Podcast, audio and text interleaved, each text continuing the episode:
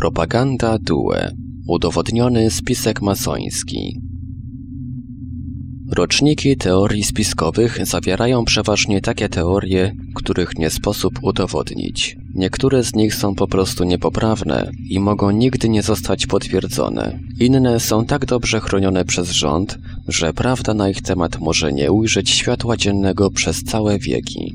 Niektóre zaś, takie jak Bohemian Grove, są tak słabo chronione, że jedynym powodem, dla którego nie zostały ujawnione, jest ogólny brak wiedzy opinii publicznej na ich temat. Ale jeden ze spisków, mający masońskie korzenie, został ujawniony pewnego słonecznego dnia w marcu 1981 roku. Wtedy to włoska policja przeszukała dom szanowanego mistrza Licio Gelliego i znalazła listę zawierającą nazwiska najbardziej prominentnych osób we Włoszech. Znajdowali się na niej m.in. premier Silvio Berlusconi oraz jego osobisty przyjaciel George Walker Bush.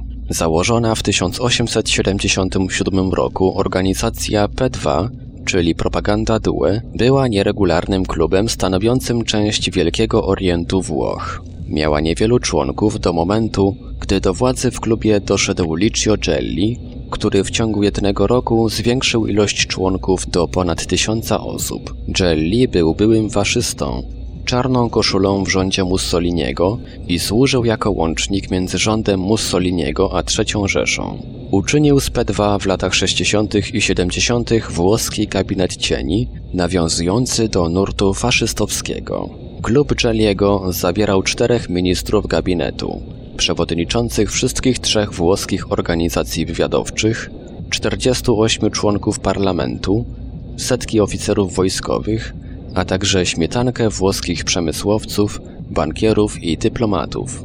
Jelly rozwinął również kontakty poza Włochami, szczególnie z Aleksandrem Haigiem i Henrym Kissingerem oraz innymi członkami CIA. Propaganda 2 i Licio Gelli byli poniekąd zamieszani w śmierć włoskiego premiera Aldo Moro. Porwany w 1978 roku przez komunistyczną grupę rewolucyjną Czerwone Brygady, Moro był przez miesiąc przetrzymywany jako zakładnik do momentu, gdy grupa stwierdziła, że rząd nie będzie negocjował. Członkowie grupy rozstrzelali Moro i, czyniąc symboliczny gest polityczny, porzucili jego ciało między siedzibami włoskiej partii komunistycznej i chrześcijańskiej partii demokratycznej. Szef włoskiego wywiadu, będący członkiem propaganda DUE, został oskarżony o rażące, niemal zbrodnicze zaniedbanie. Nie mógł on bowiem stwierdzić, gdzie Moro był przetrzymywany i prawdopodobnie nakłaniany był przez P2 do zdyskredytowania komunistów. Dyskredytacja pozwoliłaby im usunąć przeszkodę, która blokowała przywrócenie faszyzmu we Włoszech. Gelli po upadku rządu Mussoliniego spędził kilka lat w Argentynie i twierdził, że był bliskim przyjacielem prezydenta Juana Perone. Kilku członków rządu wojskowej hunty w Argentynie, wśród nich także ówczesny prezydent, okazało się być członkami P2. Wpływ, jaki miała ta grupa na działanie rządu Argentyny jest niejasny. Ilustruje to jednak międzynarodowy zasięg propaganda DUE.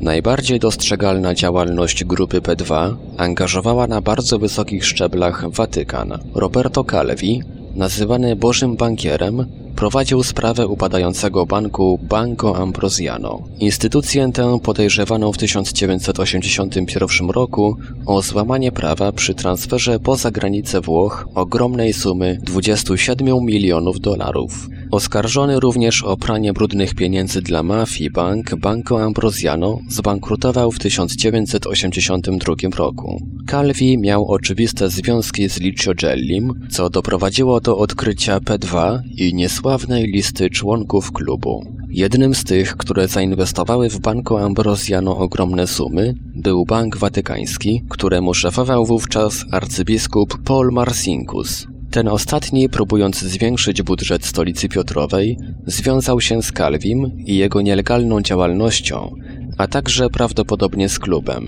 Marcinkus, chcąc uniknąć aresztowania, ostatecznie uciekł z Włoch do Sun City w stanie Arizona w USA. Tam zmarł w 2006 roku, do końca chroniony przez watykański paszport. Watykan musiał wypłacić wierzycielom Banco Ambrosiano ponad 250 milionów dolarów odszkodowania.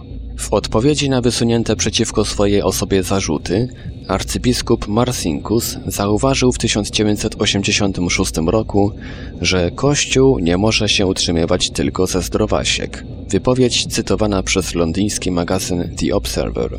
Obecnie przypuszcza się, że większość splądrowanych środków finansowych Banco Ambrosiano przeszło w ręce członków P2. Najdziwniejszym aspektem skandalu z Bankiem Watykańskim był sposób, w jaki zginął Calvi. W 1982 roku znaleziono go powieszonego pod mostem Blackfriars w Londynie. Jego śmierć określono jako zabójstwo, ale najbardziej interesujące jest to, że organizacja P2 często używała nazwy The Blackfriars, Czarni Bracia.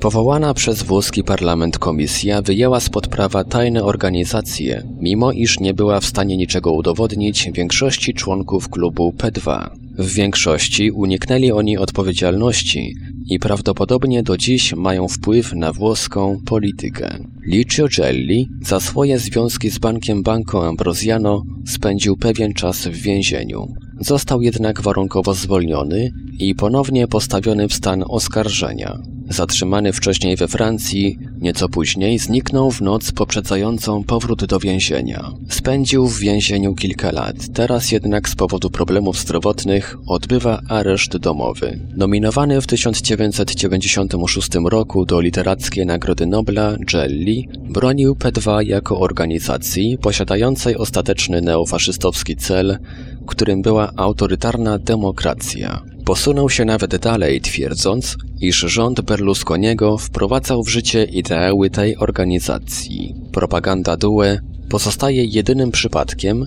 gdzie zbrodnicza organizacja w formie czarnej masońskiej grupy stała się w państwie gabinetem cieni i pozwoliła na sformułowanie neofaszystowskiego rządu. Została jednak zdemaskowana przez własną działalność finansową. Lista wybitnych członków P2 naprawdę przeraża, Znaleziono również zapis zawierający określenie misji, którą stanowiło nic innego jak przejęcie Włoch. Byli członkowie tej grupy wciąż mają silny wpływ na włoską politykę. Nowy spisek, zawiązany w 1990 roku, który ujawniono, miał na celu odłączenie wyspy Sycylii od Włoch. Także ten wątek wydaje się angażować Licio Gelliego, a także rząd Libii i mafię sycylijską.